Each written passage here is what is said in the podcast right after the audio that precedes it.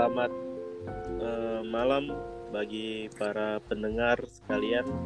Kembali lagi bersama saya Arianto di podcast Peka. Oke, mungkin malam ini kita akan bincang-bincang lagi ya uh, seputar pembahasan mungkin mistis lagi. Tapi uh, untuk malam hari ini ada yang beda nih. Uh, saya ditemenin satu orang cewek sekarang bukan cowok lagi. Oke, uh, mungkin bisa dikenalin nih siapa namanya. Halo, selamat malam. Malam. Aku Lita, cie kenalan. udah udah kenal ya. Ya, basa basi kan. Oke, namanya Lita ya. Iya. Saya. Uh. Uh, Oke, Mbak Lita. Langsung aja nih. Uh, menurut Mbak, percaya nggak sih tentang ya mungkin bisa dibilang kayak hantu atau makhluk-makhluk yang gaib itu percaya nggak sih? Uh, aku tuh tipe orang yang sebenarnya nggak bisa ngelihat yang kayak gitu-gitu ya, maksudnya hal-hal gaib kayak gitu. Aku nggak punya okay. kemampuan buat ngeliat, tapi karena kerja di tempat yang katanya angker uh. di, di seluruh bagian dunia mana pun tempat aku kerja ini adalah tempat yang angker gitu kan katanya. Oke. Okay. Jadi ya mau nggak mau ada juga kejadian-kejadian yang ngebuat aku tuh jadi oh ya percaya kalau ternyata mereka itu ada dan hidup berdampingan sama kita. Oh gitu ya. Mungkin para pendengar nih penasaran nih tempat kerja yang bagaimana sih? Boleh nggak sih nggak uh, usah disebutkan namanya deh. Coba uh, tempatnya doang gitu. Ya jadi aku kerja di rumah sakit. Jadi. Oh. Jadi kalau misalnya sekolahan itu angker karena katanya adalah bekas rumah sakit, uh. ya kan banyak sekolahan yang katanya angker karena dia tuh bekas rumah sakit. Nah aku tuh kerja di rumah sakit beneran. Pastinya serem banget sih ya. Sebenarnya nah. enggak juga uh. sih karena udah usia udah terbiasa gitu kan udah setiap hari di situ cuman ya ada kejadian-kejadian yang kalau bisa diceritain itu pasti kayak ih ngeri juga ya gitu mungkin uh, banyak nih para pendengar bilang oh iya juga sih ya. Kalau rumah sakit sih identiknya dengan hal-hal yang serem ya. Mm -hmm. karena rumah sakit tempatnya orang ya luka-luka luka bacok mm -hmm. meninggal. Ada yang bunuh diri juga kan iya banyak. uh, uh, iya benar. Jadi ya serem-serem sih ya. Mungkin kalau bisa kategori hantunya di kelas kelas tinggi nih kalau misalnya bukan udah yang ecek-ecek lagi. Ya kan? Iya. Ecek-ecek lagi ya oke wah.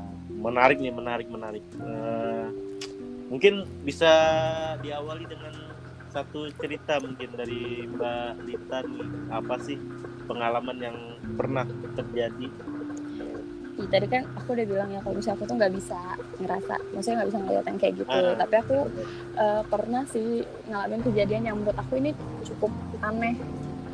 Nggak masuk di akal gitu ya? Iya ini aku kejadiannya ngalamin sendiri. Jadi waktu itu kan uh, dinas malam tuh. Uh. saya kalau dinas malam karena nggak ada adik-adik mahasiswa karena biasanya kalau ada adik mahasiswa itu adanya pagi sama sore karena nggak ada adik mahasiswa yang bantuin akhirnya turunlah ke bawah sendiri ngambil obat buat pasien. Oh nggak di dalam satu ruang itu mbak? Uh, obatnya? Oh iya kan ya, kalau ya? misalnya pasien baru kan dia obatnya belum ada tuh. Oh. kita harus ngambil sendiri ke depo farmasi karena nggak boleh keluar ke pasien yang ambil kan. Oh, gitu. Di apotek ya? Iya di apotek jadi kita ambil sendiri. Nah waktu itu karena sebenarnya sih cuma satu lantai doang sih ya tempat aku kerja itu di lantai dua terus apoteknya di lantai satu. Uh. tapi karena udah malam dan males jadi akhirnya aku milih buat naik lift. Oh ada liftnya ya? Ada ada dong ada liftnya. Oke okay, terus jadi mbak. aku naik lift terus uh, pas mencet lift masuk itu liftnya nggak mau ketutup. Ya nggak mau ketutup? Nggak pintunya tuh nggak mau ketutup jadi pas udah masuk terus uh. tulisannya itu full. Padahal tuh aku sendirian di dalam lift itu. Padahal nggak ada orang ya? Nggak ada orang karena itu udah malam juga kan sendirian juga. Nah uh. ya udah terus pintu liftnya tuh nggak mau ketutup terus itu tulisannya full. Dan karena aku mikir oh mungkin ada yang lain yang nggak terlihat yang mau Sudah naik berpikir ya, gitu ya? yang mau naik lift. Karena itu jujur aku nggak pernah sih ngalamin lift error apa kayak gimana gitu. Cuman baru itu doang. Terus akhirnya aku milih untuk oh ya adalah aku ngalah aja aku keluar lewat tangga mungkin mungkin di situ dia udah penuh mbak iya. kan? Jadi maksudnya kayak mereka udah memang udah niat mau turun juga kan? Terus kayak ini orang apaan tiba-tiba naik menuhin gitu kan? Ya udah akhirnya aku ngalah deh aku lewat tangga aja. Karena lumayan ngeri juga itu udah lewat tengah malam kayak sekitar jam 2 atau jam 3 itu udah gitu. sekitar udah mau subuh ya? Mm -mm. jam 2 jam 3an gitu. Tapi uh, ada nggak sih dari teman-teman yang lain yang kerja di situ yang udah ada cerita juga kalau lift itu memang sering kayak gitu atau rusak gitu ada nggak? Enggak, jadi nggak pernah ada yang bilang kalau lift itu rusak. Cuman oh, aku, ya? uh -uh, cuman aku juga nggak nggak yang langsung heboh cerita ke teman-teman gitu sih soal oh, iya. kejadiannya itu gitu kan karena takut mereka lebih takut ya iya maksudnya gitu karena takut mereka lebih takut lagi jadi ya udah cuman nggak pernah ada yang yang komplain kalau ini lift rusak atau kayak gimana tuh nggak pernah selama ini sih baik-baik aja gitu jadi kayak full gitu ya. Ya memang sih ya kalau lift yang nggak mau ketutup karena di dalamnya full. penuhan gitu ya. Ah, benar. Tulisannya juga full gitu kan. Di atas kan ada tulisannya tuh biasanya. Jadi ada tulisannya full gitu? Iya ada tulisannya. Kan oh. kalau misalnya full kan ketahuan tuh dia bunyi. Kayak ada ah. kayak ada alarmnya gitu kan. Terus ada tulisannya ah. tuh full. Terus aku kayak ah padahal aku sendirian di sini. Ya udah gimana lagi? Udahlah lewat tangga aja gitu jadi lewat tangga mbak ya? Iya.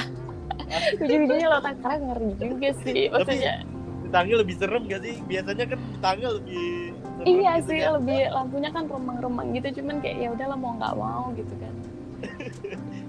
Aduh wih, serem juga ya. Iya padahal nggak oh. nggak ngeliat apa-apa tapi ngalaminnya juga lumayan juga sih deg-degannya waktu itu tapi untung aja nggak dikasih lihat ya. Oh, jangan.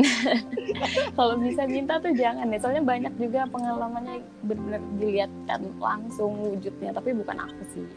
Oh jadi cerita dari teman gitu ya? Mm-mm. tapi seputaran rumah sakit nggak sih itu? Di rumah sakit. Oh boleh dong diceritain.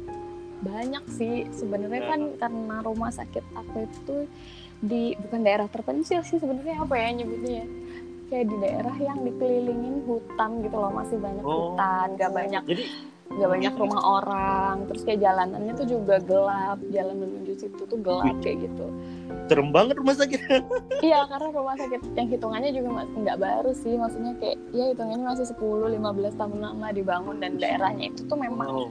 daerah yang ya? Uh, iya jalan poros gitu kan mau oh. ke mau ke luar kota jadi kayak ya udah banyak pohon banyak hutan di belakang belakang tuh masih hutan kayak gitu. Jadi ya banyak lah cerita cerita yang kayak gitu.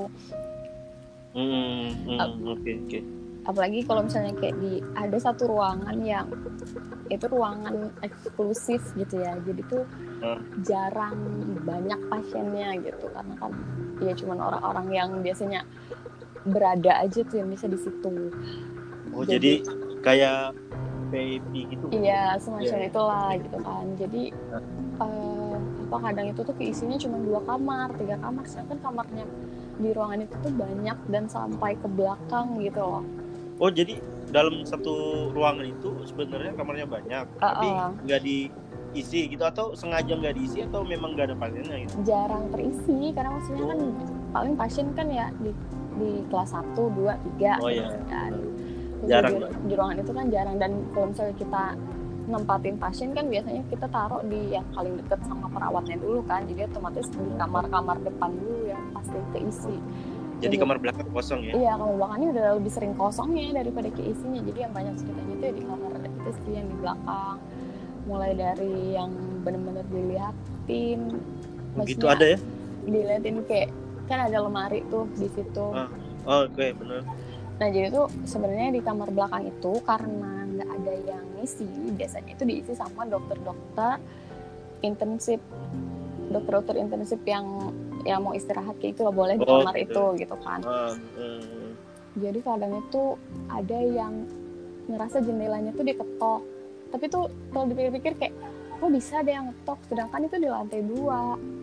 Oh iya juga sih ya, itu lantai dua. Uh -uh ada yang ngetok. Iya makanya. Jadi kan kita tuh mikir pertama awalnya kan kayak oh mungkin orang iseng. Tapi kan mikir oh, tapi ini lantai dua siapa yang mau ngetok? Gitu kan karena nggak mungkin nyampe. ya? iya kan nggak mungkin nyampe juga. Uh -uh. tangga ya. Iya makanya. Ini nggak nggak seiseng itu deh orang. Iya sih betul. Terus kadang ada juga yang lagi tidur terus ternyata diliatin sama ya sosok yang ada wujudnya kayak gitu kan kayak ya biasalah klise warna pakai baju putih rambut panjang kayak gitu itu bener-bener ada di atas lemari bisa dibilang kuntilanak gak sih? Iya, semacam itulah. Aduh, serem ya, banget ya kita kita sebutkan namanya itu kayak langsung terbayang gitu ya. Iya, makanya itu dan itu tuh ngeliatin kayak kita lagi tidur terus dia ngeliatin melotot ke kita. Terus kayak kalau kita liatin juga dia ngeliatin balik. Dia melotot aja. Iya, nggak nggak pergi gitu loh kayak ngerasa bukan ngerasa ya udah aku lebih dulu ada di sini gitu kan. Jadi ya udah. Iya kayak gitu. Mungkin karena uh, sekitaran dari rumah sakit kan Mbak Lita tadi bilang kalau itu hutan kali ya. Hutan. Nah mungkin rumah-rumahnya atau koloninya tuh berada di situ mungkin ya. Bisa jadi mungkin kayak awalnya di pohon-pohon dekat situ tapi karena yeah. kamar-kamar itu kosong.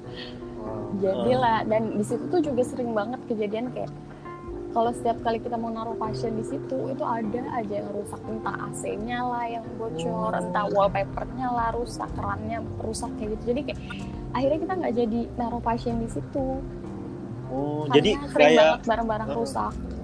Kayak ruangan itu khusus buat dia sendiri gitu ya. Dia nggak mau ada orang yang masuk gitu iya ya. makanya kadang kalau misalnya kita uh, apa maksa buat masukin di situ pasien nah. kita yang diganggu. Wih, gitu. Jadi kita tuh banget. kita tuh sering dapat laporan dia pasien tiba-tiba minta pulang karena malam sebelumnya tuh habis diganggu sama penunggunya di situ. Habis ditampakin. bukan, bukannya karena sembuh tapi bukan bukan dia minta pulang ya? pulang paksa karena kayaknya aku tambah sakit deh kalau di sini karena ketemu hantu tiap hari gitu kan wow. jadi dia minta pulang paksa jadi mereka itu nggak kayak nggak pilih-pilih ya siapa Enggak. yang ada di situ ya itu dia lihat kan Mm-mm, semuanya di, diganggu aja gitu dan itu tuh emang di ruangan itu udah terkenal banget karena ya itu tadi dia jarang ada pasiennya kan di situ wih, sering wih. kosong banget serem banget ya apalagi kalau lagi dinas malam ya Iya, yang paling ini tuh kalau dinas malam, apalagi uh, sering dengar cerita dari temen yang dinas di situ kan. Jadi nah, ruang ruang tindakannya itu di belakang. Oh, jadi ruang, ruang mereka nyimpan alat, nyimpan alat, oh, naruh obat itu okay, di belakang. Okay. Jadi kayak sering kalau misalnya lagi mau ngambil obat kayak gitu kan huh? ada yang ada yang colek-colek sedikit kayak Masa, gitu udah, udah sering banget sih. Waduh. itu kayak udah udah umum aja gitu kalau perawat yang di situ udah kayak oh, kayak oh, kebal gitu ya. Iya, udah biasa. udah udah, udah biasa tahu gitu ya. Iya, apalagi kalau udah yang lama kan kerja di situ jadi kayak ah ya udahlah udah biasa ini mah gitu. Mungkin juga dia merasa kalau misalkan ada orang baru nih, contohnya ada orang mm -hmm. baru kerja atau orang baru masuk di sekitaran ruang itu wah ini orang baru nggak mau nggak tahu kita kan? Iya, mungkin dia jadi. mau memperkenalkan diri gitu ya. Mau kenalan. Iya bisa jadi kan supaya lebih akrab ke depannya tuh supaya lebih enak hidup berdampingannya gitu maksudnya. tapi ya nggak ada orang yang mau berdampingan sih. Sebenarnya tuh ngeri juga sih, tapi kan kalau misalnya dipikir, ya udah mau diapain lagi gitu kan. Kalau aku sih selama mereka nggak menampakkan diri sih, karena kalau aku kan di ruangan yang pasiennya penuh terus kan. Nah, jadi, jadi rame kayak, ya? Iya rame, jadi kayak dan itu pun kadang teman-teman aku juga masih ada yang ngerasa diganggu gitu loh. Tapi ada juga di ruangan Mbak ya? Ada ada. Jadi kan di ruangan aku itu kayak ada yang paling belakang gitu kan. Yang paling belakang itu kan ruangan oh. isolasi. Oh iya. Uh. di ruangan isolasi itu jarang keisi. Oh, jarang soalnya ke... uh, ruangan isolasi ya, isolasi ya, kan. Nah, maksudnya kalau untuk pasien-pasien yang memang harus isolasi baru keisi. Hmm. kayak itu tuh juga kadang-kadang kita tuh ngerasanya kayak di dalam itu kosong tapi kita kayak ngerasa ada orang aktivitas di dalam situ. Atau kayak gitu, ya kayak malam-malam tuh tiba-tiba lampunya mati sendiri. Nanti lampunya nyala, itu nanti nyala lagi kayak gitu. Nggak nggak nggak ada keluar kayak konslet itu nggak ada. lampunya enggak Karena kayak oh, oh udah dipanggilin maintenance juga kan buat nah. ngecekin ini kenapa gitu. Tapi sebenarnya nggak ada yang masalah. Jadi karena kalau saya mati lampunya mati kayak gitu kan mati nyala mati nyala ya udah kita biarin aja. Wow karena mau di mau diapain lagi gitu jadi kayak dia ingin nunjukin ya kalau mereka itu ada di situ iya Putri kayak kayak gitu sih men kalau menurut aku. Iya makanya jadi kayak ya udahlah biarin aja selama mereka nggak nggak ganggu. Kadang sih mentok-mentoknya tuh paling ada suara orang. Hmm. kayak gitu jadi kayak suara orang manggil tapi pas dicek tuh ini ruangannya kosong tapi kayak ada suara manggil dari situ. Wow. Kayak gitu sih tapi nggak pernah yang untungnya sih dan jangan sampai diliatin kayak gitu wujudnya. Ya kalau misalkan wujudnya wujud dalam bentuk manusia sih ya kurang lebih ya kali ya. Tapi kalau wujudnya itu kayak bajunya panjang rambutnya acak-acakan bertaring atau matanya merah wah itu sih. Masalahnya kalau dengar dari yang cerita-cerita itu lebih seringnya wujudnya yang ngeri gitu. Wih. yang yang bener. Kayak tadi yang rambutnya acak-acakan putih kayak gitu. Dari cerita dari di parkiran sampai di ruangan perawatan itu ceritanya kayak gitu. Jadi kayak kita juga ngeri lah gitu jadi kan dengarnya jadi istilahnya uh, untuk yang serem-seremnya di rumah sakit ini nggak cuma berfokus pada satu ruangan ya? Kayaknya semua ruangan ya. Kayak selalu dengernya tuh di semua tempat gitu loh maksudnya nggak cuma di ruangan aja. Uh, uh, mungkin juga backgroundnya karena pinggiran hutan gak ya? Kan dikelilingi iya. hutan tadi kan. Uh -uh, terus kayak suasananya tuh sebenarnya juga bukan kayak rumah sakit yang tengah kota yang gemerlap terang. Sepi banyak ya? orang uh -uh, itu sepi banget jadi kayak oh. Eh, ngeri juga. Banyak ceritanya juga yang di parkiran karyawan itu juga ada. Oh, jadi di kita parkiran cuma, itu ya di parkiran jadi di parkiran sebenarnya kita parkir itu di dekat kamar mayat di depan kamar mayat gitu kan. Iya, iya parkiran. parkir aja di dekat kamar mayat. Parkiran karyawan itu kan di depan kamar mayat tuh. Oh. jadi dan di, di parkiran itu tuh banyak banget pohon-pohon gede. yang besar gitu ya? Pohon-pohon gede terus kayak belakangnya agak kesan lagi tuh udah hutan sebenarnya hutan. Jadi gelap gitu. Oh. ya, ya benar sih. Kan uh, identiknya yang pohon-pohon besar itu kan pasti ada penghuninya mm -hmm. ya penghuninya kayak gitu ya. Mm -hmm. bahkan sampai ke rumah. Jadi ada rumah buat uh, tenaga kesehatannya kan di sekitaran itu. Uh. di sekitaran rumah sakit. Itu tuh bahkan di dekat itu pun juga ada yang penunggunya gitu. Maksudnya ada kan ada kebun pisang tuh di dekat situ. Oh oh ya ya. Nah tahu kan ke, kebun pisang itu identik sama bocor uh, iya benar. Yang bungkus-bungkus itu ya. Iya benar. Nah sedangkan kalau misalnya tenaga kesehatan itu kan dia itu jarang ada di rumah ya kadang. Maksudnya ada beberapa dari mereka tuh yang nggak kerja di satu rumah sakit aja gitu. Jadi nanti abis dari satu rumah sakit ini nanti mereka ke rumah sakit lain untuk kerja juga di situ. Oh jadi uh, double job ya? Uh -uh, jadi seringan rumahnya tuh kosong. Nah yang katanya sih pernah dilihatin itu si asisten rumah tangga di rumahnya itu. Hmm. Oh gitu. Jadi pas maghrib maghrib dia mau hmm. nutup tirai, nutup jendela, hmm. dia ngelihat ke daerah pohon pisang itu udah banyak banget pocong-pocong yang berdiri di situ. Jadi kayak nggak cuma satu banyak. Nggak cuma satu ya? Iya. Wow, ngeri banget. di situ. Iya, udah udah merinding aja nih denger kayak gitu ya. Tuh juga aduh ngeri banget kayaknya gak bakal lewat situ lagi deh. Kayak gitu ngeri banget soalnya. Wow jadi nggak cuma satu ya? Oh bisa bisa jadi sih di situ kayak mungkin rumahnya atau wadah dia berkumpul bisa iya jadi. bisa jadi. Karena kayak udah memang atau mungkin lagi ada apa ya keperluan rapat apa gitu kan internalnya mereka gitu. Mereka ngumpul di situ. Wow jadi memang serem ya Iya, tapi memang rumah sakit kan kayak gitu ya. Apalagi kadang kalau dengar cerita teman-teman dari rumah sakit lain yang usianya tuh lebih tua daripada rumah sakit tempat aku kerja sekarang itu malah lebih lebih ngeri ya? bervariasi ya? lagi gitu yang menunggu tuh lebih bervariasi. Jadi uh, istilahnya nggak cuma satu rumah sakit ya, terus itu uh, versi berapa lamanya rumah sakitnya itu berdiri mungkin lebih ngeri lagi ya. Iya jadi kayak lebih banyak lebih banyak variasinya aja gitu kalau kalau lebih lama rumah sakit yang berdiri. Gitu mungkin bisa diceritain nih salah satu kisah mungkin di rumah sakit lain di rumah sakit eh, selain rumah sakit balita nih. Ada nggak sih cerita yang menarik? Jadi kalau sama teman aku itu dia kan kerja di rumah sakit yang udah tua banget ya kayak uh -huh. satu rumah sakit tertua di tempat aku sekarang. Oh gitu. Iya jadi tapi bangunannya tuh masih bangunan lama dipertahankan masih bangunan Wih. lama dari zaman Belanda gitu Belanda ya, gitu ya? Wow. Bangunannya masih khas rumah sakit zaman dulu lah gitu.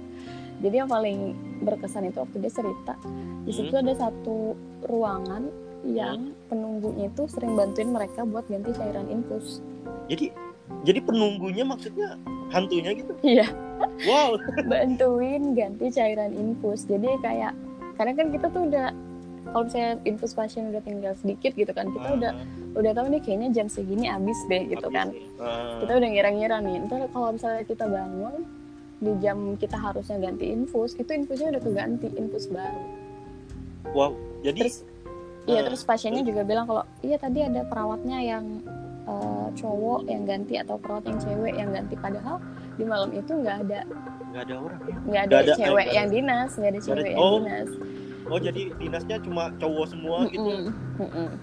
karena dia satu ruangan intensif gitu kan satu ruang perawatan intensif gitu uh, uh. terus waktu itu ceritanya mereka lagi dinas berdua cowok dua-duanya terus katanya iya tadi ada perawat yang perempuan yang ganti padahal wow. itu yang gini cuma cowok-cowok berdua jadi ibaratnya ya iya. Juga sih ya. ngebantuin sih cuman ngebantuin sih tapi sebenarnya nggak ya, usah nggak apa-apa sih. Iya sih creepy banget ya. Serem banget tuh. Iya. Terus kayak ada juga bed. Jadi ada kasur pasien yang huh? apa ya istilahnya kayak keramat gitu lah. Oh, kayak uh, dia nggak boleh gitu nggak gitu boleh diisi. Gak boleh. Oh, iya. kayak bangku-bangku ada kayak film gitu ya sih iya benar ini diisi, gitu ini ya? kasur kosong gitu. Ini kasur dia kosong. nggak boleh diisi. Jadi ada ceritanya waktu itu itu satu sama di ruangan intensif itu juga. Hmm.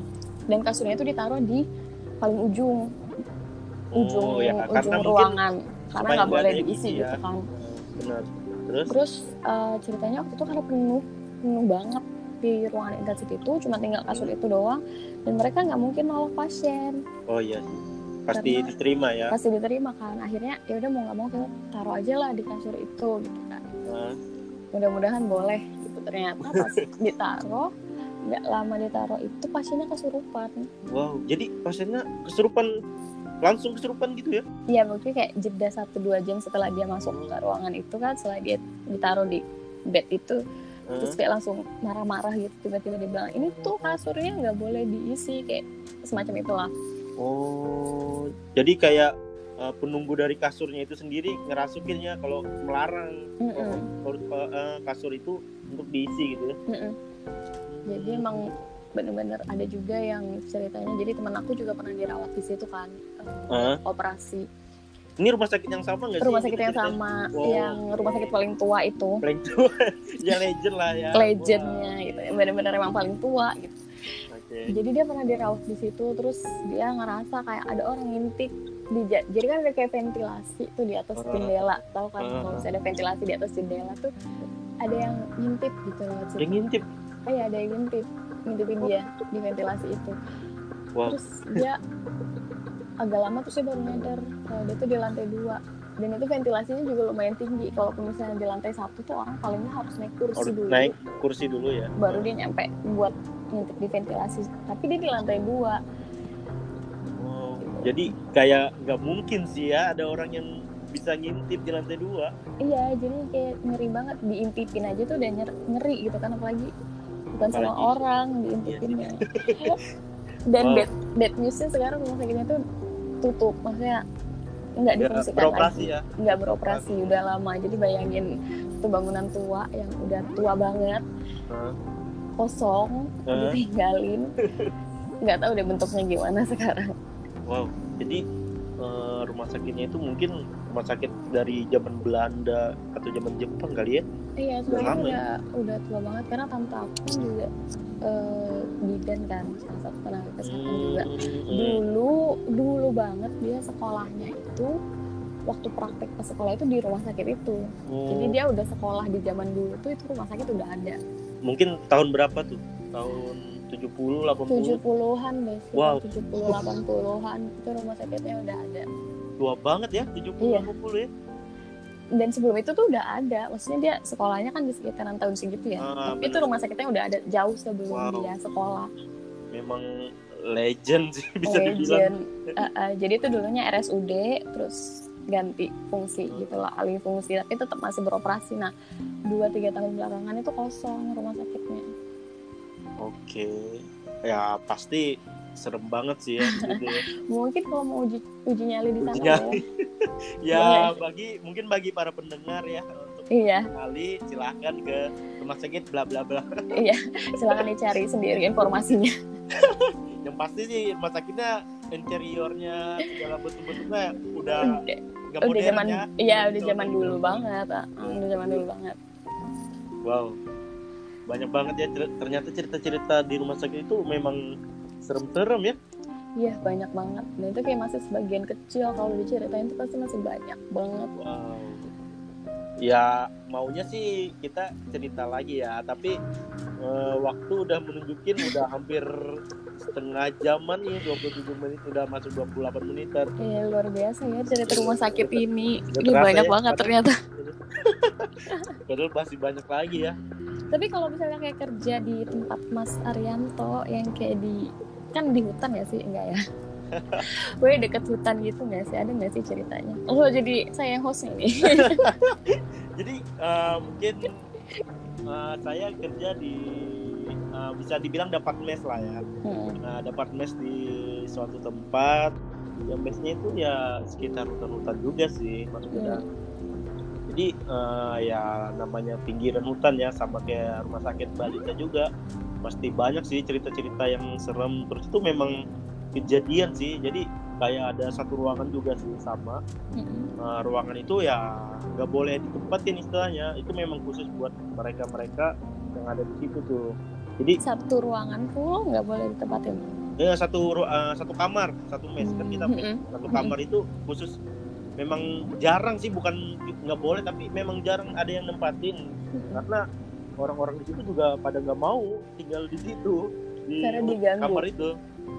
Ya pasti diganggu. Jadi ada nih eh, mungkin eh, eh, eh, seorang pekerja nih Mm-mm. dia pernah nih tidur di situ dapat kamar di situ nah sebelum dia tidur itu ya dia merokok merokok atau ngopi di depan cerita nih cerita sama saya kan ya ngopi atau cerita merokok di depan jadi sampai jam 12-an nah dia udah ngantuk nih mulai ngantuk dan tidur.